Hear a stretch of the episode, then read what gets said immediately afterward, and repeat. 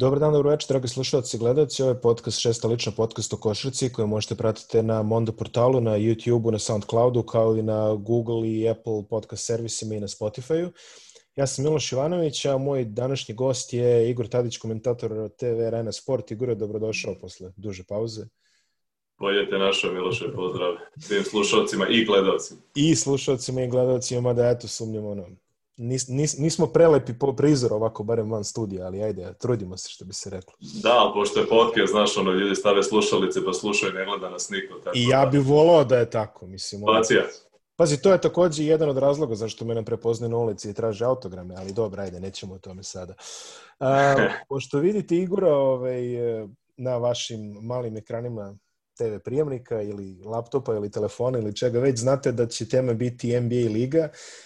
Prvi deo onoga što se u narodu već sad zove popularno Orlando Bubble ili ti Mehur se završio, a playoff je uveliko počeo, mi ovo snijemo u sredu, vi ćete gledati u petak, znači odigraće se još po jedna utakmica u serijama, tako da vreme je da malo presečemo sada iza onoga što je ostalo od regularne sezone NBA-a i da najavimo playoff koji je eto već počeo, ali onako, hvatamo se u hodu što bi se reklo.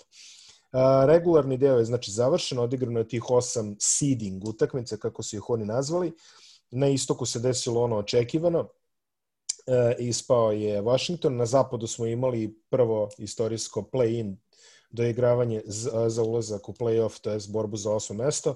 Tu je, ajde kažemo, neću kažemo očekivano, ali većina ljudi je prognozirala da bi Portland to nekako mogao da se umuva, to se i desilo. No hajde prvo da analiziramo šta se desilo na istoku, znači imamo samo Washington, to možemo kratko da prođemo, mislim da njima niko nije davao ni promil šanse da uđe.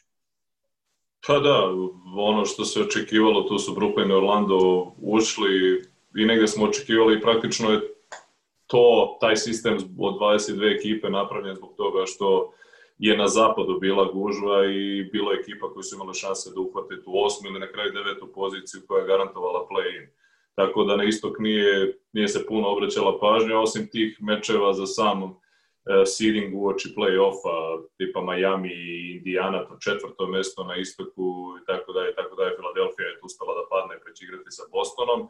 Washington je iskoristio te utakmice da proba neke mlađe igrače i neki igrači koji nisu toliko igrali, znamo da Davis Bertans nije tu, Johna Vola nije bilo, Bradleya Bila nije bilo, tako da e, Rui Hachimura je jedan igrača koji iskoristio e, tu minutažu u Bablu, Japanac koji je odigrao dobro ruki sezonu i, i dosta dobro napreduje i mogao bi da bude jedan od igrača uz koje će ta franšiza graditi praktično ovaj, ekipu. Troy Brown, jedan igrača koji je kroz Summer League igra jako dobro, izuzetno mladi igrač, već ima iskustva u NBA-u, on je neko ko je pružao dobre partije, tako da Washington onako nismo puno videli od njih, eto Mo Wagner igrao uh, više, videli smo Janzevića Panček, Pasečniksa, pardon, tako da ono što smo očekivali se i dogodilo tu. Dakle, mnogi su pričali da Washington nije trebao da bude tu, da nije puno kvalitetniji od ostalih ekipa na istoku koje nisu bile tu, ali eto, jedna ekipa je dodata, ali na kraju se ništa nije promenilo što se tiče play-offa. Kuriozitet je da se Washington vratio iz Babla u Orlandu sa slabijim procentom pobjeda od Charlotta koji nije otišao u Bablu. Tako da, da. jedno vreme ko je gledao uh, ko je gledao NBA.com sekciju sa tabelom, mogao je da vidi da, da je ovaj, Washington jedno vreme čak bio i deseti. Umeđu vremenu se to popravilo, završili su deveti, ne, ne igra puno, osim verovatno što se tiče loterije. Um, idemo na zapad, što bi, što bi se reklo, znači to imamo, to smo imali već neku malo detaljniju situaciju i ovaj, prva ekipa kojom ćemo se pozabiti New Orleans, ekipa od koje se mnogo očekivalo, ali eto, oni su malo podbacili, rekao bi. Pa jesu, i na kraju je stradao Alvin Gentry posle pet sezona, dakle New Orleans će tražiti novog trenera od, od sledeće sezone, odnosno već koliko između ove dve sezone, ne znamo kada će sledeća početi, ali ovaj, bila je priča oko onih restrikcija minuta Zajana Williamsona na početku, e, Babla na kraju on i imao solidne minute, međutim, dosta su i povrede uticale na to, ali se New Orleans jednostavno Uh, nije snašao u bablu. Neke ekipe su uspele da se adaptiraju brže, da dođu do pobjede, uđu dobar ritam, ko što je to, je to bio Portland. To što nije išlo na ruku Pelicansima je da su i, ne znam, i Sansi i Spursi neočekivano e, igrali dobro, Memphis je pogubio neke utakmice, na kraju nije uspio da uđe u play-off, ali eto, e, New Orleans ne treba da, da žali nešto preterano za tim što se dogodilo, jesu se nadali play-offu, ali nisu imali cele sezone zajona zdravo, puno povreda, e, Brandon Ingram je jedan od igrača koji je kandidat za, za igrač koji je najviše napredovao u, u sezoni, pa eto, doveden je JJ Redick, Drew Holiday koji je praktično lider te ekipe, ima New Orleans na čemu da e, gradi budućnost, e sada je pitanje koji je trener pravi za tu franšizu s obzirom na sastav, na mlade igrače i na Zajona koji treba da se usmeri neosporan njegov talent. I ja verujem da bi oni bili playoff tim da je Zajon bio zdrav tokom čitave sezone, da nije bilo one povrede kolena, da se toliko čeka, onda i prekid sezone. Tako da New Orleans nije ušao u playoff, nije neko razočaranje, Alvin Gentry, da li je David Griffin procenio da to nije čovjek koji može da vodi franšizu dalje, ne znam. Uh, vidjet ćemo, spominje se i Kenny Atkinson i mnogi neki ljudi, Tyron Lue, bit će sigurno intervjua, vidjet ćemo ko će dobiti priliku da vodi tu ekipu. Tyron Lue se čini mi se spominje, Tyron Lue i Jason Kidd se spominju sad u svakoj kombinaciji. Kogod ovaj ostane bez trenera, oni prvo istaknu Tyrona Lue i Jasona Kidd. Pa da, i ime Udoka, pomoćnik u Spursima koji je već intervjuisan i prethodne dve sezone koja, mislim, sprema za ulogu glavnog trenera negde, da li će dobiti šansu, vidjet ćemo. Ja, bi, ja mislim, ja lično bi volao da Kenny Atkinson preuzme tu ekipu. Mislim da su Nixi pogrešili što nisu doveli njega, kada vratimo film nazad šta je radio sa igračima Brooklyna, evo vidimo i danas Caris LeVert, Jared Allen, Joe Harris, igrači koji su svi napredovali dok je on bio trener. E, tako da što se tiče developmenta, razvoja mladih igrača, to je ono što New Orleansu treba, mislim da je to idealan čovjek za njih, ali ja niti sam GM, niti je moje da, da odlučujem, tako da vidjet ćemo šta će izabrati David Griffin koji ne bi trebalo tu puno ovaj, da greši i verujem da će što se tiče intervjua i, i celog tog procesa odraditi dobar posao i izabrati pravog trenera za tu ekipu. New Orleans koji kažeš nažalost navijača, a boga mi nažalost ljudi koji planiraju TV rasporede nije ušao u play-off, jer svi su se nekako nadali sa te strane da će biti LeBron protiv Zajona u prvoj rundi. Nije došlo do toga. Misli da je LeBron Lillard još bolja priča? Vrlo moguće. Mislim, barem ovako, ajde, neutralno gledano, ali Znamo svi da. šta Zion donosi ekonomski ovoj, ovoj ligi. Yeah. Uh, Sacramento Kingsi su doživjeli svojevrsno raspad sistema ovaj, u, u Orlando Bablu. Uh, nisu nikako mogli da se, da se povežu, izgubili su, mislim da je ključan bio onaj poraz protiv Dallasa, kada su ispustili 20 razlike u jednom momentu, čini mi se nakon odlične prve četvrtine. Uh, to se desilo šta se desilo umeđu vremenu, kao što su sve već umeđu vremenu upućeni. Uh, Vlade Divac je podneo ostavku na mesto generalnog menadžera, Peđi Stojaković je podneo ostavku na mesto pomoćnika generalnog menadžera, velike promene se tu dešavaju. Joe Dumars je trenutno VD generalnog menadžera, da ga tako nazovemo. Da, kao Učest... neki parkaških operacija koji će sve nadgledati. Jeste. Ja, novi GM. Uh, novi GM već izašla je kratka lista kandidata. Spominju se recimo uh, čini se zove Scott Perry, jer tako iz Njujorka. Uh, spomenje se Brand Berry, između ostalog uh, bivši košarkaš San Antonija, Seattle i Los Angeles Clippersa. Uh, i generalno... Organizaciji San Antonija trenutno, da. Da, i pominje se još ovaj, nekoliko imena. Ne moramo sada o tome, ali ukratko ajde pogledamo igrački šta to nije funkcionisalo za Sacramento u bablu. Pa prvo, ja bi jednu stvar rekao, s obzirom da se puno sa upiru prsti ovih dana i, i lako je tražiti krivca. Vlada Divac jeste otišao sa te pozicije, može se priča i onom draftu kada Luka Dončić bio tu i o Marvinu Begli i o dovođenju Luka Voltona i ostalo. E, Begli nije bio u bablu, on bi im sigurno značio momak koji je izuzetno talentovan igrač, ali ima problema da ostane zdrav i problema sa povredama u ranoj fazi karijere. Ja tu ne bi nikoga krivio jednostavno na, na toj poziciji, lako se strane biti pametan, odluke moraju tokom drafta da se donose i bilo je tu puno, puno više kikseva kroz istoriju NBA drafta i ostalo, jednostavno nekada se zaljubiš u nekog igrača, nekada misliš da ti neki igrač nije fit i, i, i to je to. Nikad ne znaš kako će igrač da odreaguje, u što će se razvije, tako da ja ne bi upravo prsnik kriveni vlade Divca, ima i vlasnik Vivek Ranadi puno tu E, krivice koje snosi, ali njegov je tim, tako da on ne snosi nikakvu ovaj, odgovornost. Peđa Stojaković iz nekog znaka lojalnosti, pretpostavljam, kada je Vlade Divac otišao da je i on rekao da ne želi da ostaje u organizaciji. Po meni se tu Luke Walton apsolutno nije snašao, jer ja ne gledam pošto problem tu u front ofisu, jer ekipa je ta koja igra, trener je taj koji vodi ekipu, tako da igra Sakramenta nije imala ni glavu ni rep u, u Pablu, videli smo to i tokom sezone, Tieron Fox je izrastao jednog izuzetnog eh, playmakera budućnost te franšize, ali i on je igrao na pogrešan način u nekim trenucima. Onda situacija i sa Bogdanom Bogdanovićem i, i Badijem Hildom, da jednostavno nisu uspevali da pronađu taj eh, balans, a na primjer Buddy Hield je miljenik vlasnika franšize koji insistiraju da se njemu da ugovor, iako je tu mogla da se donese neka drugačija odluka, on dolazi sa klupe, mislim da, da, da Sacramento pre svega i defanzivno imao problema, nisu imali ritam napadački, dosta što se tiče igrača pod košem je tu bilo ovaj, problema te unutrašnje centarske linije sa Rishonom Holmesom. Uh, Harry Giles je neko koji uspeo pola, uspeva polako da se oporavi, da se vrati na ritam i takođe jedan talentovan igrač. Uh, bilo je tu dosta, mislim, Bogdan je tražio svoju formu, imao onu utakmicu koju sam ja prenosio, da imao jedan od 15, pa sledeću zapalio i odreagovao, nije uopšte sporan njegov šuterski igrački kvalitet. Jednostavno igra Sakramenta i sam sistem, ja nisam vidio e, šta želi ta ekipa ni u napadu ni u odbrani i, i to je bio veliki problem za, za Kingse s obzirom da je zapad kakav je, videli smo ekipe koje su konkurisale da uđu u play-off koje su potpuno drugačije igrale. Sacramento je podbacio, ali ja mislim da je pre svega tu velika greška Luka Voltona koji u toj prvoj sezoni uopšte nije uspio da izgradi identitet ekipe ni identitet, ni autoritet. Čini se da su igrači previše uzimali. Ti si rekao da je Diaron Fox previše nekako igrao na pogrešan način.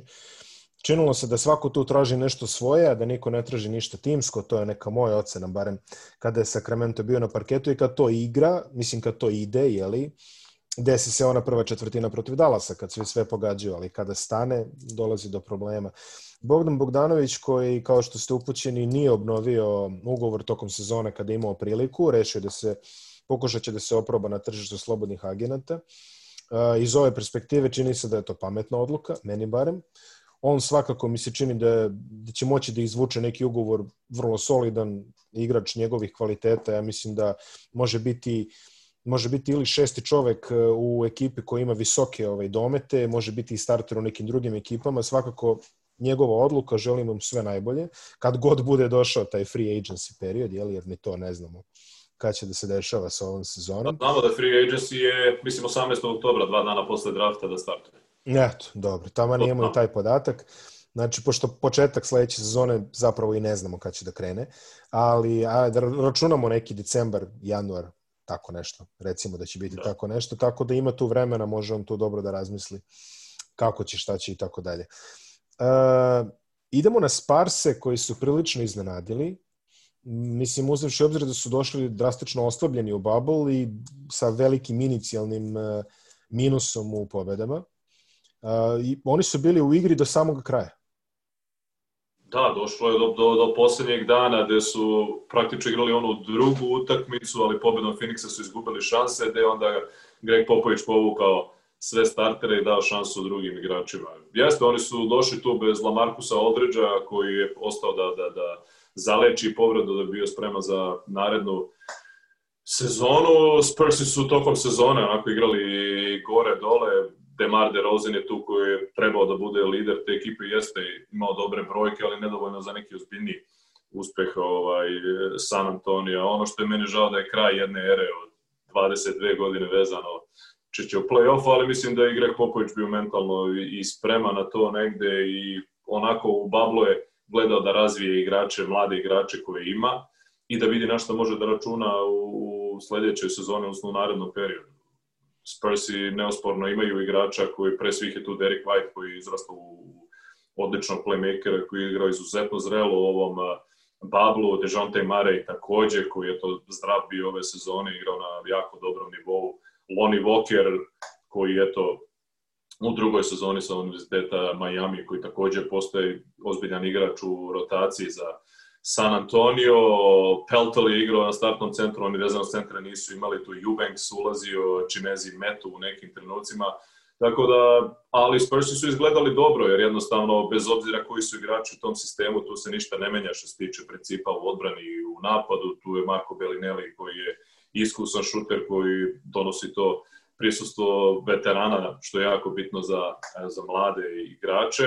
Tako da ima tu mesa što se tiče San Antonija i neki igrača koji su trenutno tu. Eto, Luka Šamanić je dobio ovaj, neke minute pred kraj obavljao posljednje dve utakmice.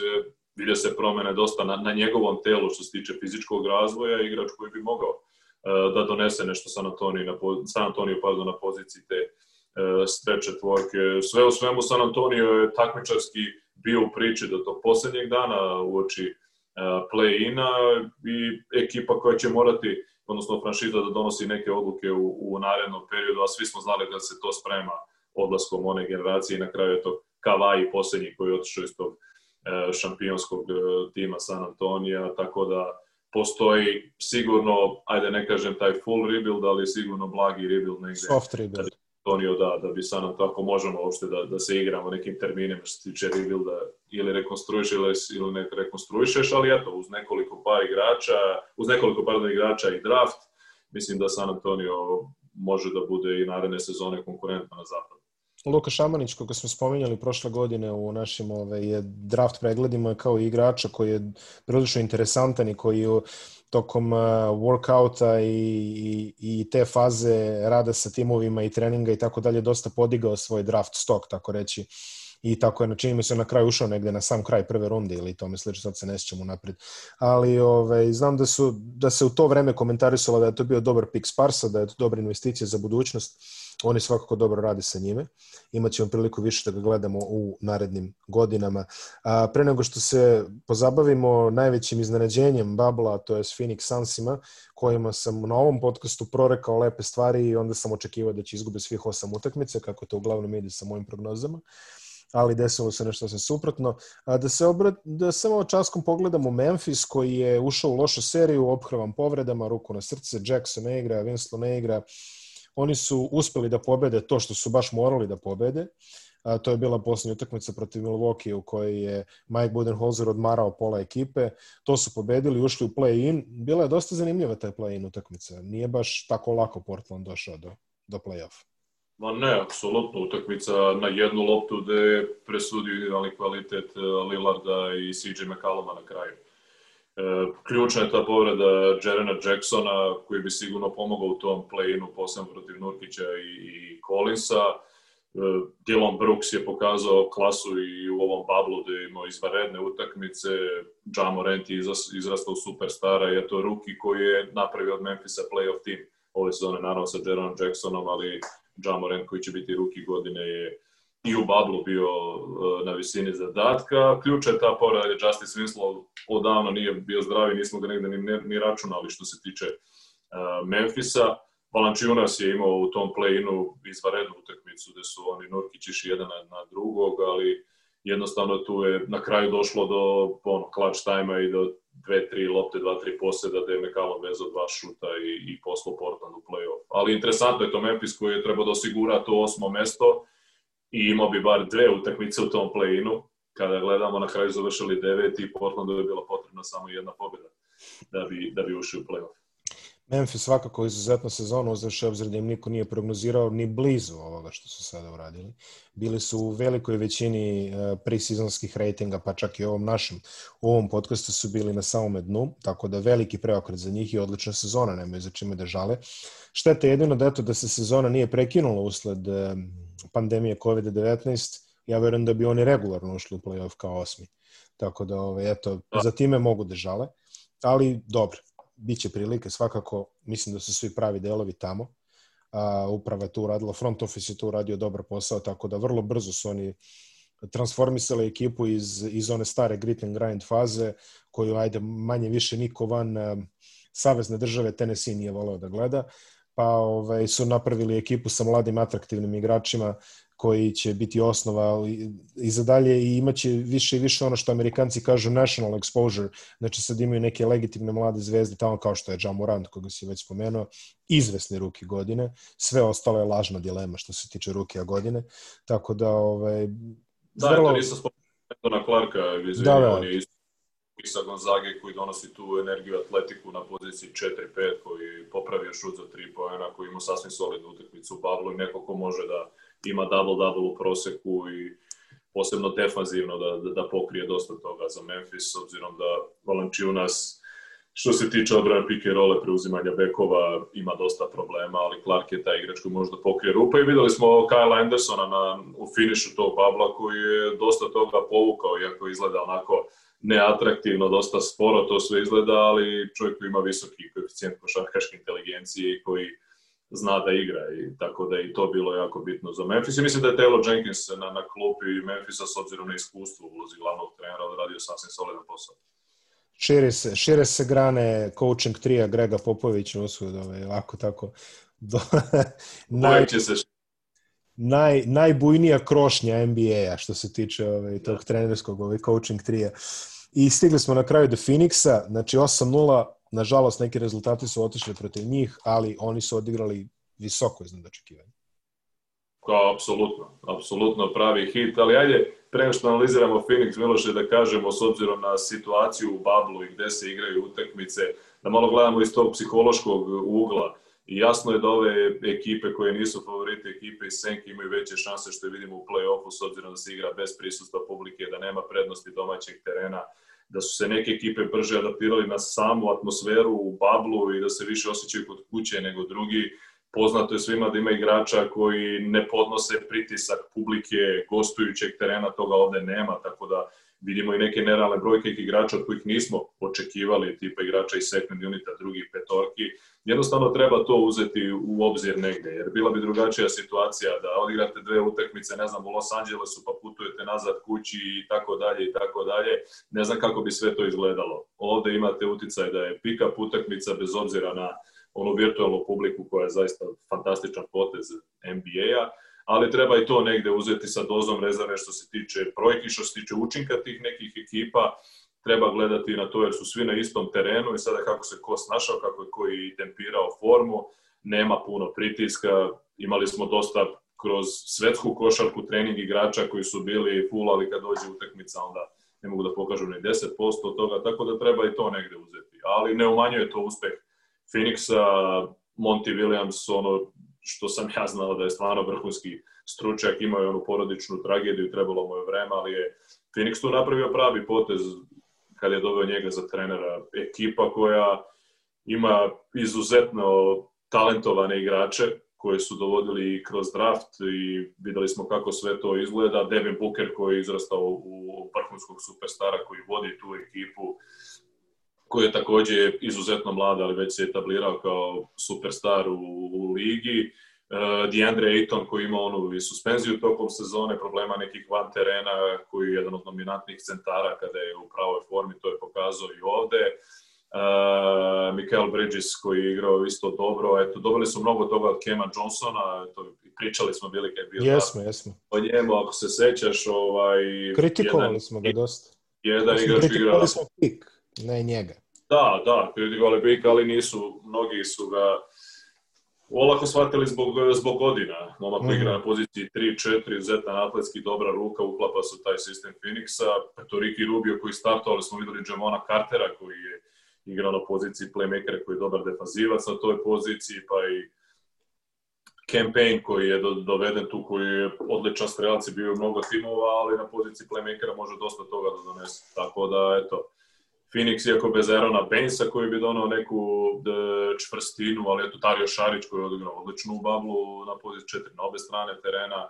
Phoenix je zaista izgleda impresivno i to je kada neka ekipa koja je došla tu rasterećena, a nekako je ta hemija bila kvalitetna i sa dobrom energijom su zaista igrali sa 8-0 je, je prava šteta. Ja bih volao, na primjer, da sam video taj matchup u play-inu Portland i oni ali nije se dogodilo na kraju, tako da nemaju za čime da žale, Phoenix može uh, samo napred sada u zavisnosti od, od, od odluka dalje, Jamesa Jonesa, njegov generalnog menadžera i front office ali s obzirom na trenera i na core ekipe koji imaju Phoenix ima baš svetlu budućnost. Već izgledaju mnogo bolje nego bilo šta što je izašlo iz Phoenixa u prošlih pet godina. Uh, kao što rekao kad se nedavno setimo, stalno su, uvek, uvek se setimo ovaj, um, Erika Bledsova koji tweetuje kako ne želi da bude ovde, pa onda kaže nije to, nego sam bio kod frizera i tako dalje, nisam mislio na Phoenix i svih ostalih stvari, onog tipa koji se nije pojavio na potpisivanju pa je James Jones skrpio umesto njega, sad sam zaboravio ko je to bio, ali nema veze,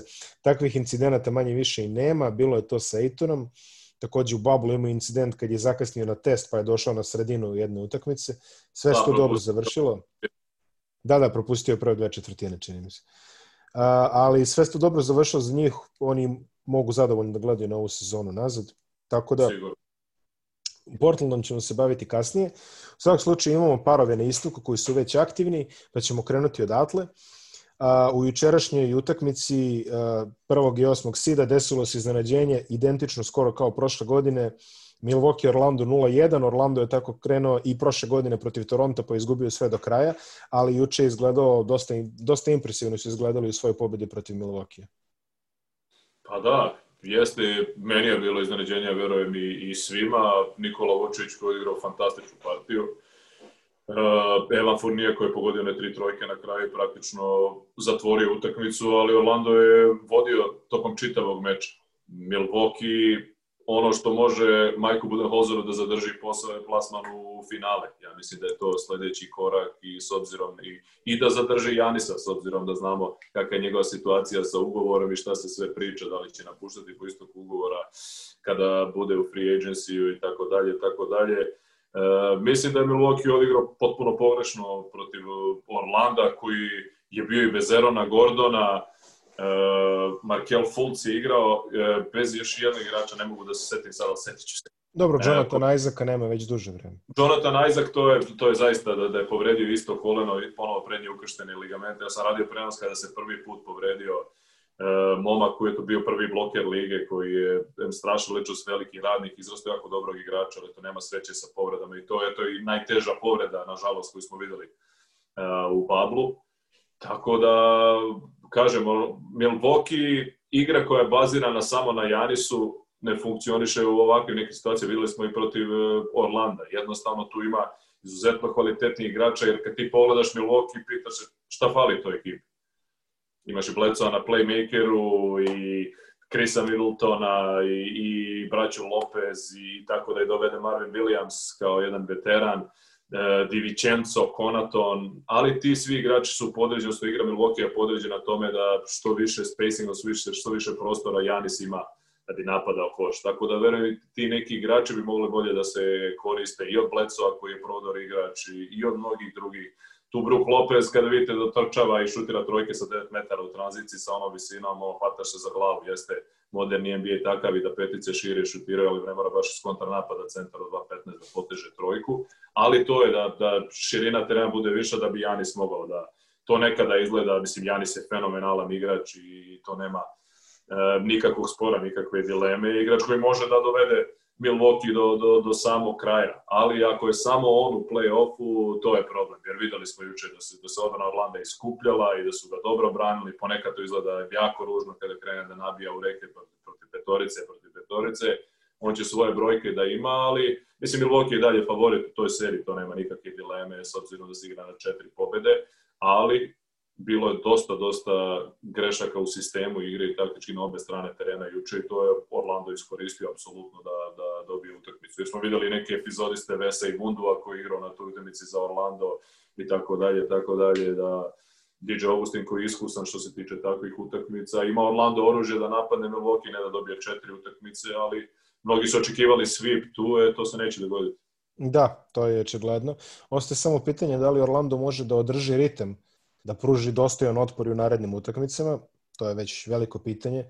Milwaukee će, ja sam siguran, šutirati i bolje i u jednom momentu će popustiti, ali vidjet ćemo dobra, dobra lekcija za, za ono što sledi svakako, što se barem Milwaukee tiče. Sigurno. U seriji Toronto-Brooklyn, e tu već mislim da neće biti previše iznenađenja.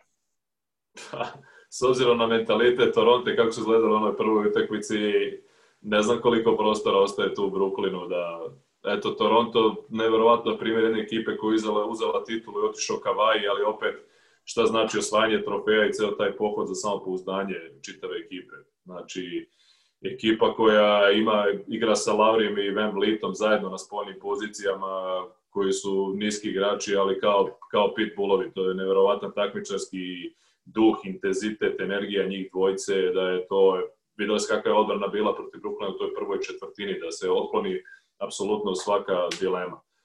Sa Sijakamom koji izrasta zaista u, u vrhunskog igrača, taj sistem Nika Nursa, Toronto možda napravi puno, puno problema ovaj, na istoku generalno, nema veze što je otišao Kavaj, gledali smo i tokom sezone do prekida koliko su e, kvalitetno igrali, jednostavno i OG Ananobi koji ima svoju ulogu na obe strane terena i Norman Powell koji uđe koji može vidjeti vrši pritisak na bekove koji ima poene u rukama, pa od Marka Gasola do, do Ibake koji su veterani koji donose dosta toga u ovakvim serijama gde mogu da, da, da može da prevagne na tvojoj strani da ostvariš pobedu. Uh, Brooklyn je opet, s obzirom na ekipu s kojom je došao da je praktično G League ekipa tu uz Carissa Laverta, ne znam, Jared Allena i Joe Harrisa, ali stvarno su odradili dobar posao ovaj, što se tiče utakmica u Bablu samih. Čak su bili i bez Harrisa i bez Allena dve utakmice. Uh, Wong koji to vodi dobro, ja bih volao da on dobije priliku bude glavni trener, iako će intervjuisati mnogi ljudi, ja bih volao, s obzirom da je sad privremeno rešenje da ostane glavni trener u Brooklynu. Ali eto, Neci će se takmičiti kroz ovu seriju, ali mislim da Toronto neće puno toga dozvoliti sudeći po onome što smo videli u prvoj utakmici. Da, pitanje je, ovaj, pitanje je kakav je Jacques Vaughn sa Kyrie Irvingom, ovaj, jer zna se ko odlučuje tamo, ko kadrira u tom. U pa, tom. Pa posle, da, kada se vrate i Dinvidi i DeAndre Jordan, da ne pričamo o KD-u i Kyrie Irvingu, to je već druga ekipa koju je teže voditi mnogo, tu si više menadžer nego trener. Tako da, da ćemo to videti kako će izgledati naredne sezone. Boston i Filadelfija na papiru izuzetno interesantna serija. Filadelfija je ostala bez uh, bez Simonsa koji je otišao na operaciju, čini mi se da će biti operisan i ovaj, već se pojavio u nekim tračevima da bi mogao biti tradovan, a neke ekipe su već izrazile želju da ga vide, o tome trenutno ne znamo ništa, ali evo da kažemo da i Boston ovaj, doživeo hendikep najmalerozniji igrač lige, a, Gordon Hayward je povređen u prvoj utakmici, mislim da će odsustovati neko duže vreme. Tako Četiri da... nedelje. Koliko? Četiri nedelje. Pa dobro, pošteno. To je, da. to je za, za ovo duže vreme, da, povreda skočnog zgloba i neverovatno. Ne, ne, neverovatno malorozan čovek. Sve sada pada definitivno, dobro, i uvek je bilo, na plećima Brauna i Tatuma. A u prvoj utakmici Boston je pobedio. Kako ti vidiš ostatak ove serije? Pa mislim da, da tu Boston će bez nekih većih problema jednu ili dve utakmice bi mogla Filadelfija da dobije na neko šutersko ludilo, Embiid će da ubaci svoje, to, to je sve jasno, e, da li će sad Richardson, Tobias Harris i ostatak ekipe, Al Horford, da li će da se probudi, koji se pokazao baš kao loš fit za Filadelfiju, jer taj eksperiment nije profunkcionisao, mislim da će to Boston, jeste da Tatum tu najviše nosi i Jalen Brown, ali sistem Breda Stevensa je impresivan. Oni su navikli da igraju bez Gordona Haywarda, nažalost, i to se dešavalo ranije. Hayward je hvatao pravu formu i podsjetio na one dane iz Jute e, i tokom babla. Ovako, Boston ima ekipu i, rateču ekipu što se tiče odbrane i sa Markusom Smartom i Danielom Tyson e, ispod koša. Mislim da, da, da, da Boston to prolazi. Boston ima šta da kaže na istoku. Bilo bi mnogo bolje da je Hayward zdrav. Tatum je izrastao ono, u top 3 niska krila praktično u, u ligi i neverovatan je njegov napredak kao i Jelena Browna. Tako da, ali Filadelfija mislim da ne treba toliko da brine o ovoj seriji koliko o, o nastavku uopšte, o budućnosti s obzirom na to da izgleda da im Embiid Simons priča ne funkcioniše, koliko god oni pričali da su i dobri na terenu i van njega hemija ne postoji. Mislim da Brad Brown posle poraza ovaj završio priču u Filadelfiji, a ajde, vidjet ćemo. Jeste da se priča i o tradu Embiida, čak i o tradu Simonsa, jer nekako je shvatanje front ofisa da, da njih dvojica moraju da se razdvoje, ali vidjet ćemo da će to biti tako. Elton Brand, koji je GM te franšize, će imati dosta toga na svom tanjiru i vidjet ćemo kakve će odluke da donese. Ben Simons jeste da su timovi zainteresovani za njega, ali treba mnogo, mnogo toga dati i uzeti maksimalan ugovor na sebe ako hoće to za igrača koji je da, trenutno povređen. I on ima dosta problema sa povredama, ali to je zbog načina koji igra, to je playmaker u 208 cm sa nevjerovatnom atletikom koji ne igra na reketa praktično i takve povrede ne mogu da kažem su normalne, nijedna povreda nije normalna, ali je razumljivo kad se tako nešto dogodi.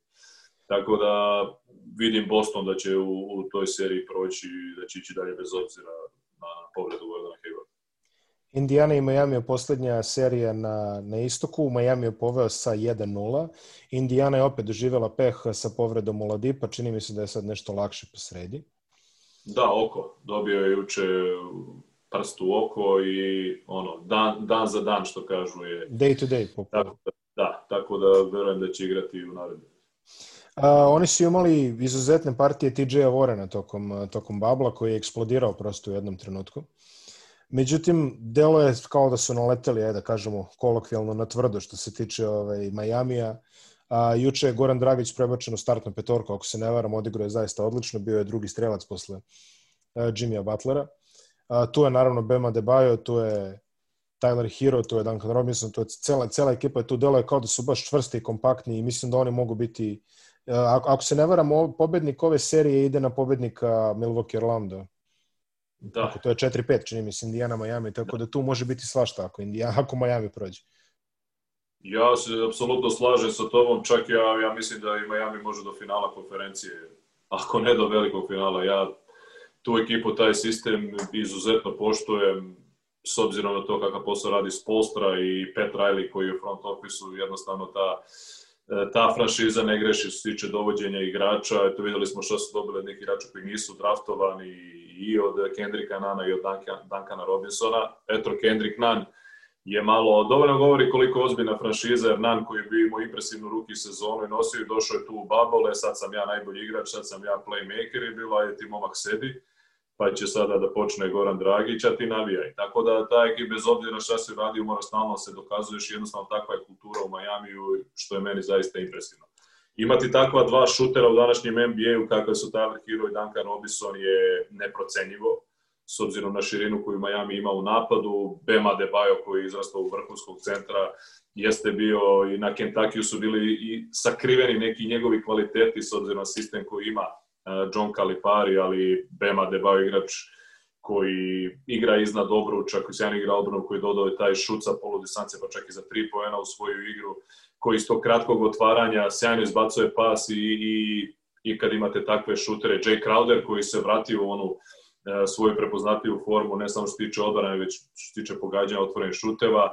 Terry Jones Jr. koji ima nešto manje minute, to će biti interesantan slobodni agent nakon ove sezone, vidjet ćemo šta će Miami tu da uradi koji donosi tu atletiku, raznovrstnost na obe strane terena, Olinik koji je u Bablu takođe igrao dobro. Jednostavno imaju previše talentovanih igrača koji mogu da rade različite stvari i sjajno se snalaze u tom sistemu. Što se tiče i šuta za tri poena, što se tiče defanzivnog prisustva, Butler je nekako kliknuo sa tom ekipom, iako je bio problem s njim i u Minnesota i u Filadelfiji, pričalo se danima u Čikagu, ali neosporno je kakav je Butler igrač i takmičar.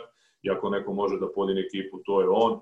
Goran Dragić koji je na zalasku karijere, ali koji dalje ima mnogo toga da kaže, jeste da što se tiče atletike, eksplozije tog prvog koraka nije više to to, ali e, njegovo samopouzdanje, njegova rešenja u napadu su zaista impresivna. Što se tiče Indijane, Domanta Sabonis, to je najveći hendikep što ga Pacersi nemaju i to se vidi da je teško nadoknaditi. Miles Tanner koji je po meni neprepoznatljiv, što se tiče svega što je radio i zbog čega je dobio taj ugovor. Pacersi će želeti da ga tradu, ali redko ko će da, da uzme Malsa Tanera u ovakvom stanju, koji igra van linije za tri poena. Zaista neverovatno je bio veliki hendikep za njih. Goga Bitadze dobija neke minute, Jakar Sampson igra pre njega kao taj backup e, centar. Što se tiče, tiče TJ da ste niko to nije očekivao. Ja sam ga na North Carolina State gledao da je on bio odličan strelac na koleđžu, ali nije imao takav šut ovde jednostavno došao sa takvim samopouzdanjem i videli smo kakve ima utakmice. Justin Holiday igra dobro, ali mislim da je ovde Miami, ja sam se radovao tom mečapu i neće to biti lako ni za Miami, mislim da će Indiana da odgovori, ali taj zostanak sa Bonisa je po meni ključni da bi Indiana mogla tu, eto Ladipo uh, i pre te povrede nije uspevao skroz da se vrati onaj pravi ritam. Malcolm Brogdon, neko koji je lider te ekipe od koga sve počinje što se tiče napadačkih setova. Mislim da će i tu Indiana da odgovori, s obzirom na to kako je Nate, Mil Nate McMillan da je defanzivno orijentisan trener, da će da, da drugačije pripremi match-upove za narednu utakmicu. Nate McMillan svoje vremena je jedan od najboljih kradljivaca lopte u, u NBA 90-ih, a znate i sami kako se odbrana tada igrala.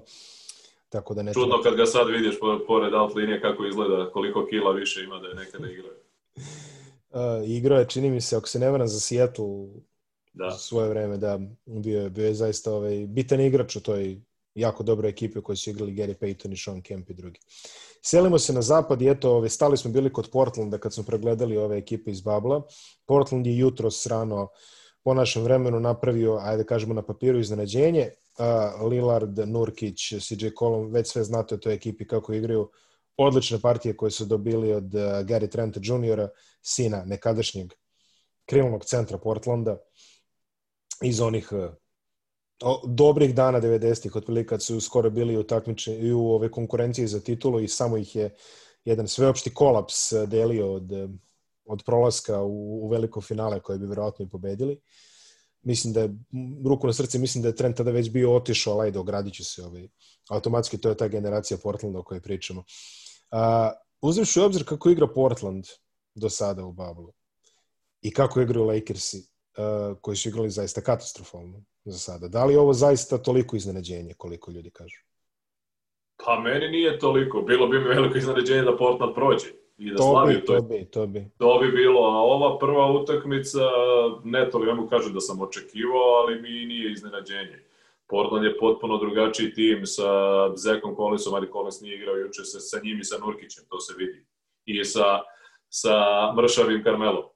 Tako da, to je potpuno drugačija ekipa koja je u Bubble došla da, da uđe u play-off. Jednostavno sa tim mentalitetom, znamo kakav je Lillard takmičar, oni su došli sa jednim ciljem i to su i ostvarili. E, Lakersi su imali puno problema u Bablu, bez Ronda, bez playmakera, vidite i Averija Bradleya nema koji je jako bitan igrač koji je odustao od Babla pre nego što je sve e, i počelo Ne znam, nisam siguran, e, ne želim ništa da pričam, niko ne sme se kladi protiv Lebrona ili bilo šta da priča, ali jeste u poznim igračkih godinama 17. sezona, play-off, on želi ovde titulu, nije to ništa, ništa sporno i može da da gaz da sam dobije seriju.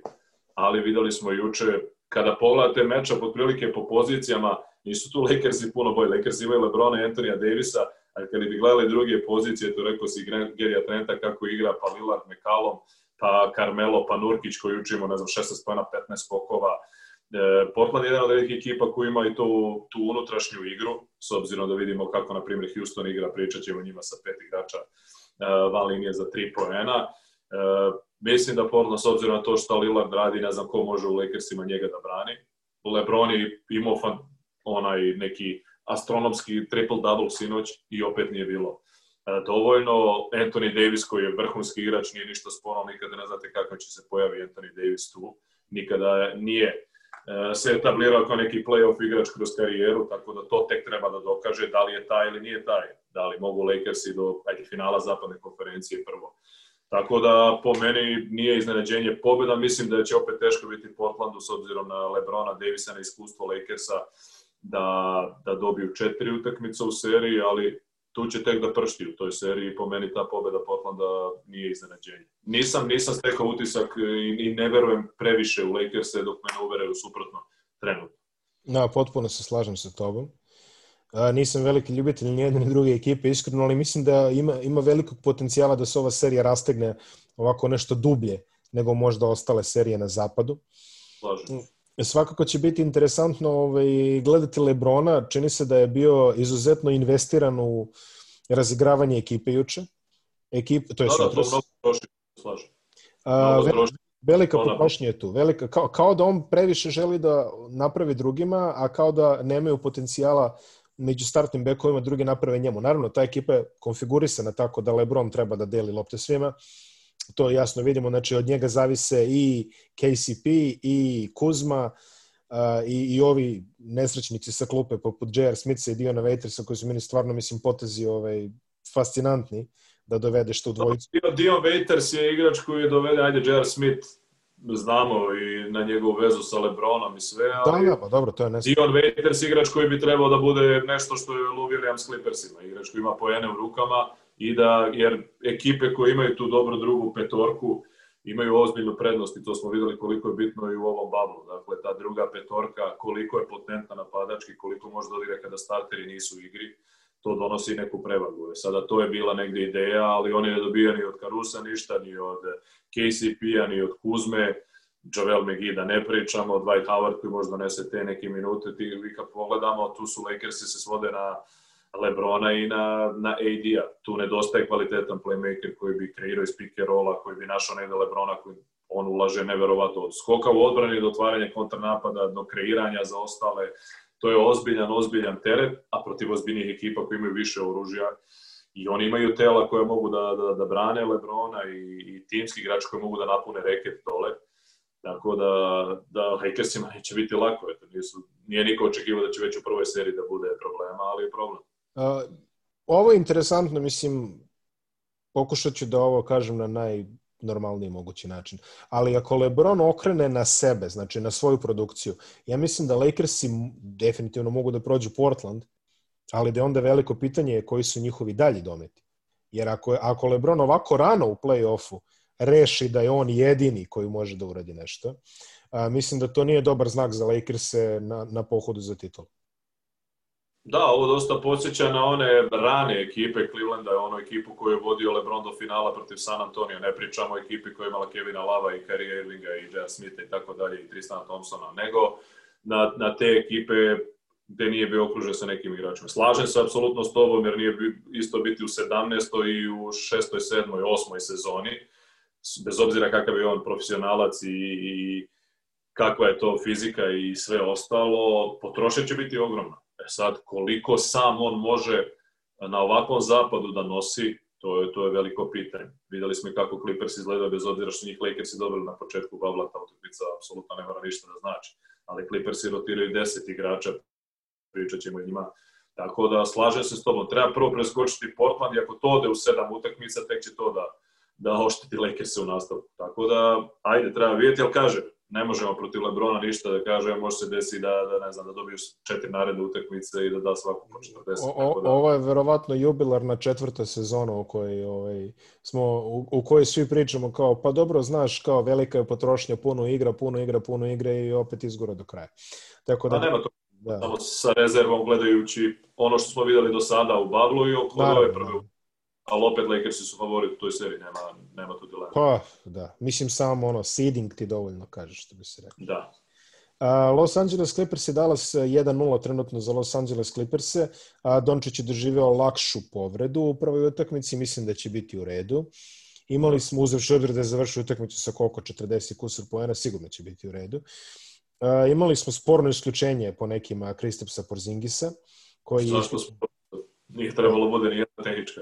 Pa eto vidiš, to, o, to, ja. to ti pričam. Ne da je sporno, nego je Dallas apsolutno oštećen u toj utakmici, to nema neke dileme. Bili su komentari sa strane, od strane bivših igrača, od strane ovoga i onoga.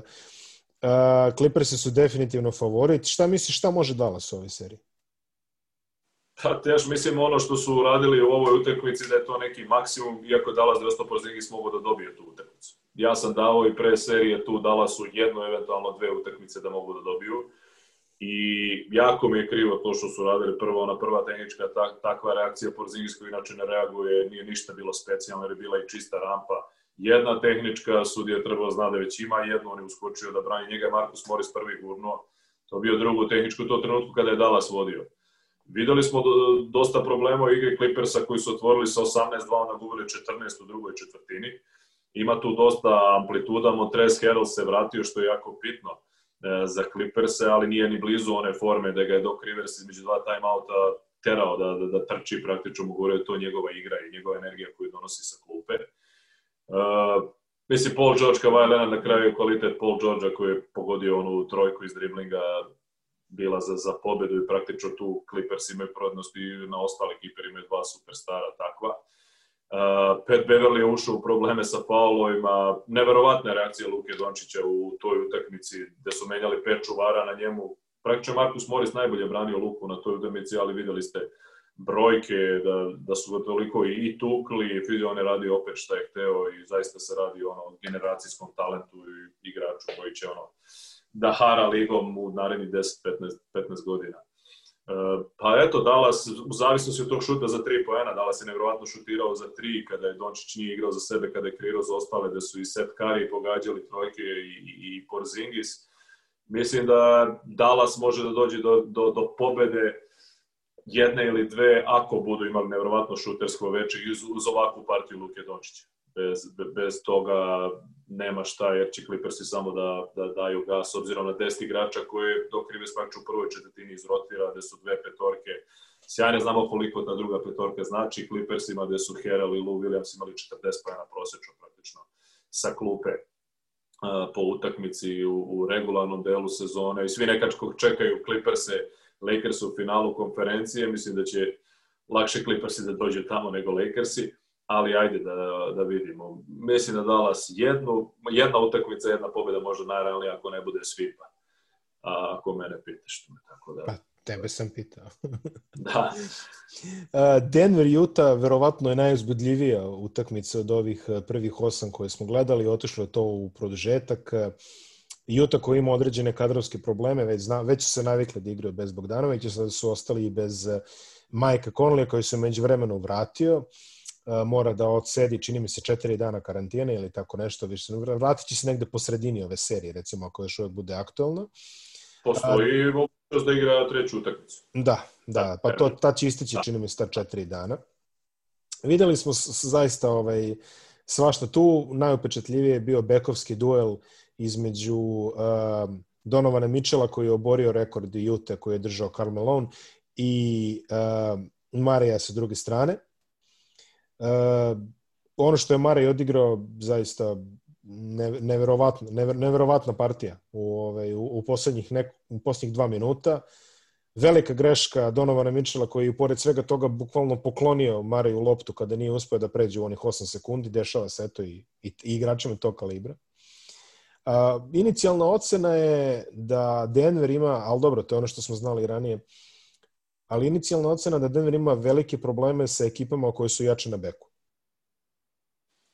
Pa da, ako gledamo jednu seriju protiv Portlanda prošle godine koja je u sedam utakmica da je McCallum zakupo Denveru, Denveru, pa mislim da jednostavno ne s ekipama koji imaju su jaki na bekove, nego bih rekao u tim, meni je drago da je Denver dobio utakmicu u neizvesnoj završnici i to je jako bitno za, za play-off. Ta ekipa jeste mlada, ali i dalje nema taj karakter što tiče play-offa da bez obzira na kvalitet da dobija utakmice i da prolazi seriju u seriju. Juta jeste izuzetno nezgodan mečap za njih, vidjet ćemo kada će, kad se Conley vrati, ono što je radio Donovan Mitchell je nestvarno, ne pamtim kad smo videli takvu partiju, bez obzira i na Lillarda i na sve što tiče NBA play-offa, pa bilo publike, ne bilo publike, da ubacuješ trojke, da ideš do kraja, da pogađaš onakve šute sa onakvom energijom, pritom da igra odbranu, to je neverovatno. I pitanje kako bi Juta izgledao tu da on igra tako.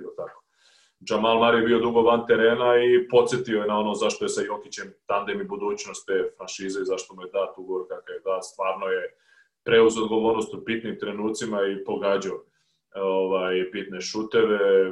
O Jokiću suvišno trošiti reči šta znači to je, to ekipi. Ono što je bilo interesantno, Michael Porter Jr. koji je odigrao u, u bablu izvanredno, koji je nestvaran talent i Denver je njega draftovao kada su ga svi propustili zbog one povrede leđa i sezonu je propustio zbog te povrede leđa, talent nikad nije bio sporan i to je zaista budućnost te ekipe, kao i Bol Bol koji je dobio minute, koji takođe zbog i povrede i neki karakteri osobina draftovan kasno u drugoj rundi koji je neverovatan talent. Denver je bez Gerija Harrisa i Vila Bartona koji su tu i trebali bi u nekom trenutku da se priključe Kako će to izgledati za ekipu Majka Melona, kako njih implementirati sada kada ima igrače koji igraju jako dobro, i Torija Krega i Michael Porter. Monte Morris. I Monte Morris, da. E, tako da ne znam kako će njih, e, njih dvojicu da uklopi ako se neko njih vrati, iako su jako bitni igrači, Gary Harris je starter, Will Barton nekada starter, nekada ta napadačka opcija sa, sa klupe. Mike Malone je dobro sakrio Michael Porter Jr. koji je defanzivno imao problema i onda nije u onim ključnim trenucima igrao tu je Jeremy Grant u odbrani što se tiče na Mitchell produžetku odradio fantastičan posao i ukradene lopte i to je bilo ovaj, jako bitno za, za, za Denver. Ja naravno i volao bi da prođe Denver i mislim da će, da će proći. Juti puno fali e, Bogdanović kao drugi strelac ekipe ove sezone. Rudija Gobera nismo previše videli i Gober generalno ima puno problema sa Jokićem i kroz sve te duele je Jokić uspevao da bude mnogo bolji od njega. Verujem da će i Denver se malo adaptirati što se tiče odbrane na Donovanu Mitchellu. Eto, ta utakmica je večeras, s obzirom na to kad pričamo, ta utakmica broj 2. Tako da, ali bit će sigurno neizvesna, neizvesna serija. Jedan izuzetan nivo akrobatike koji Donovan Mitchell prikazuje za čoveka je koliko? 188? To tako, blizu 190, ali to je isto pitanje veliko. Koliko mu dodaju u patikama? Mislim, mi smo to kroz NBA istoriju viđali i kod, recimo, ne znam, Clyde Drexlera i kod Derika Rose, ali to su sve ovako malo gabaritniji igrači.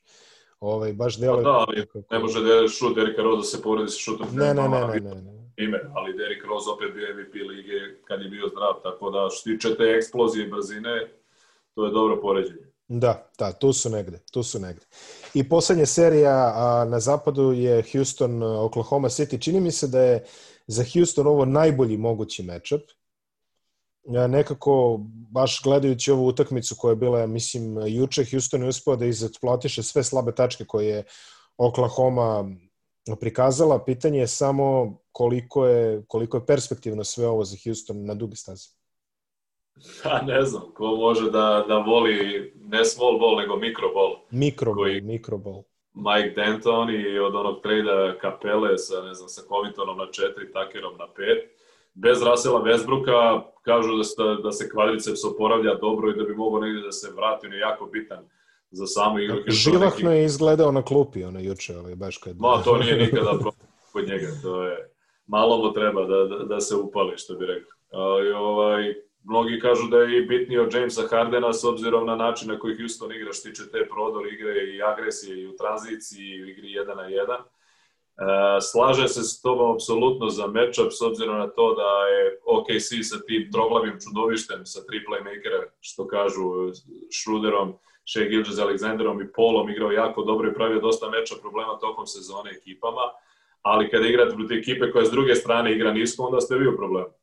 I to je to. Videlo se juče da je Houston defanzivno izgledao ovaj, jako dobro, s obzirom da oni sve preuzimaju, a Oklahoma, osim Steven Adamsa, nema igrača koji bi kaznio Houston u, u reketu. I to je ono što pričamo o modernoj košarci i bez petice da se igra ekipe koje imaju visoke igrače i koji znaju da igraju pod košem, moraju to da kazne.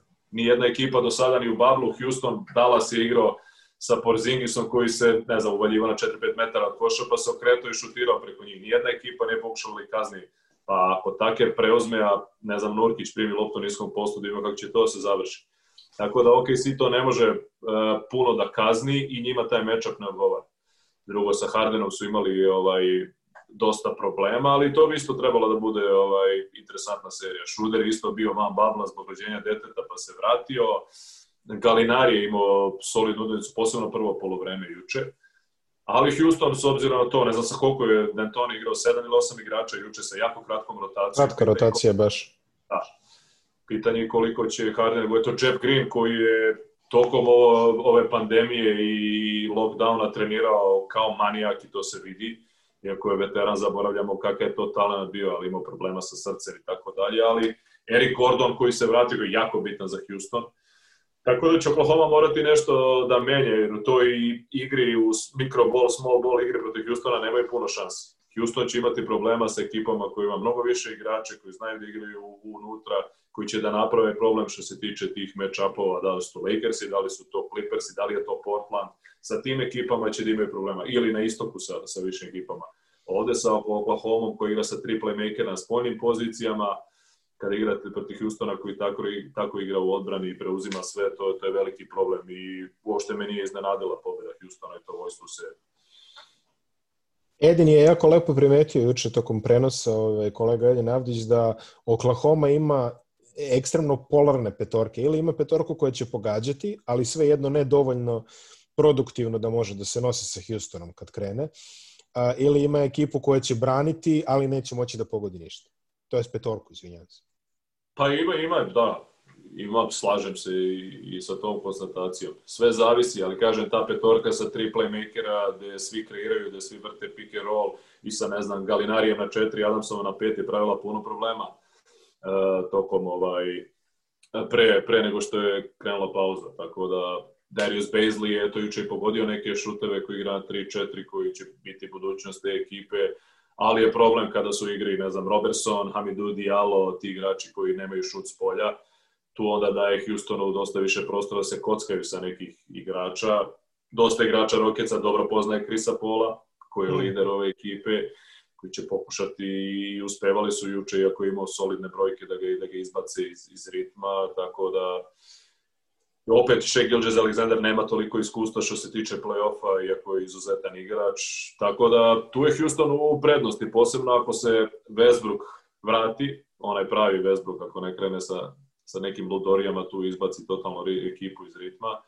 Mislim da je, da je Houston tu, ali koliko može sa, sa tom igrom, ja mislim da je Houston ne može bude ozbiljan na, na zapadu. Bez obzira na, na genijalnog Hardena i na Westbrooka i na, na, na sve to, mislim da ako mikrobol ekipa uzme titulu, onda ne znam, da menjamo svi neki profesije, ne znam šta da radi, da ne pričamo više. da, da, za, zaista si u pravu. Pre nego što se ovaj, samo zaključimo cijelu ovu priču sa prognozama, još malo vesti izmom Babla, a to je da je u Čikagu takođe ovaj, proradila metla.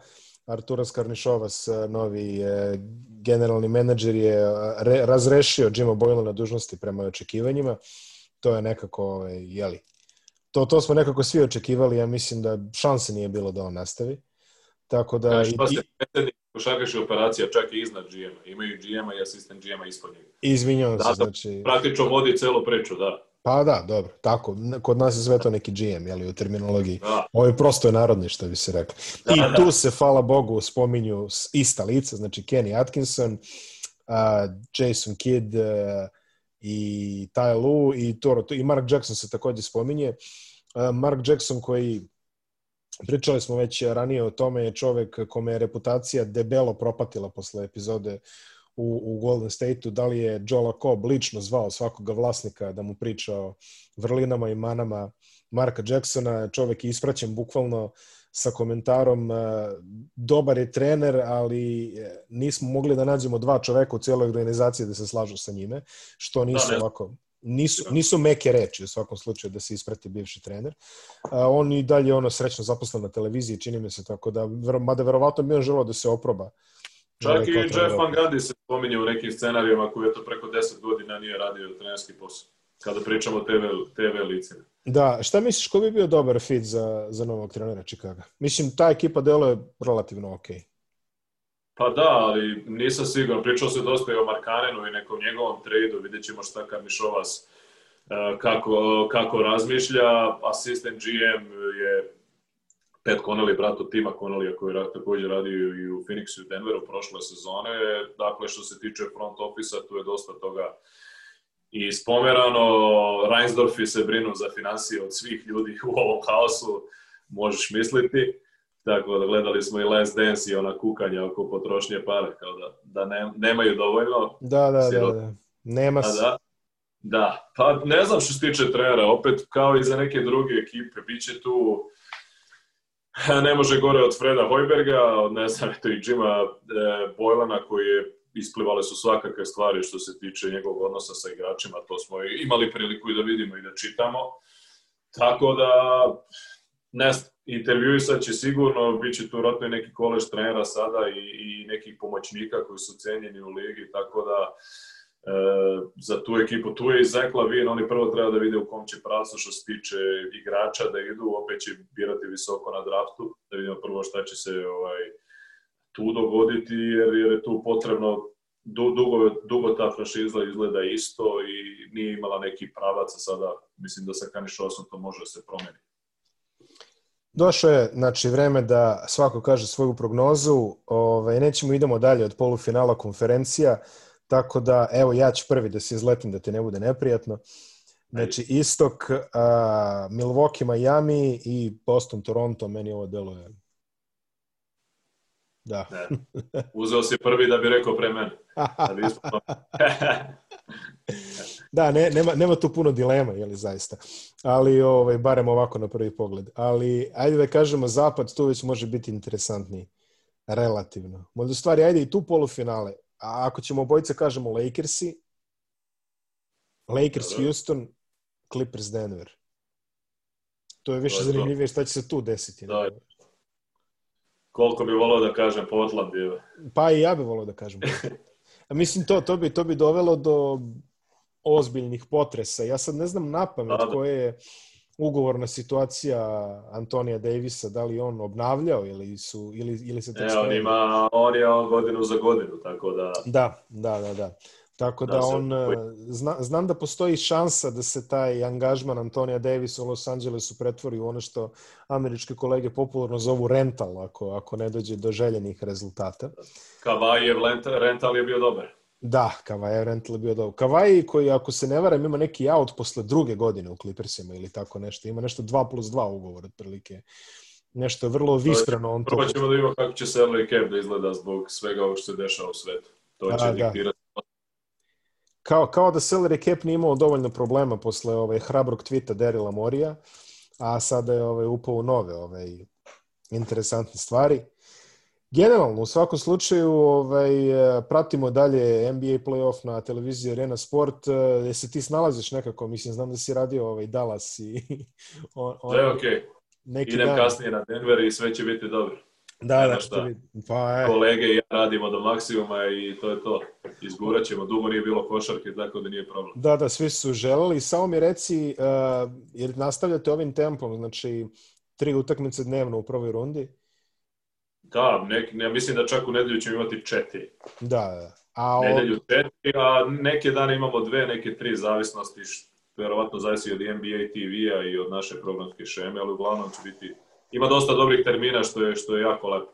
Jest, da možda vežeš pola osam da ljude koji rade sutradan. Jeste, ja sam se šalio na mrežama da je ovaj raspored NBA ovaj, play-offa direktan napad na instituciju srpskog braka, ali ovaj, nekako, ćemo, nekako ćemo preživeti ovaj, još usput kad se e, pogodi. Da li vidio možda e, juče pre utakmice Milwaukee Orlando što je neko rekao da koliko je ova utakmica interesantna pre utakmice trebala bi da bude ovaj, emitovana na Instagramu.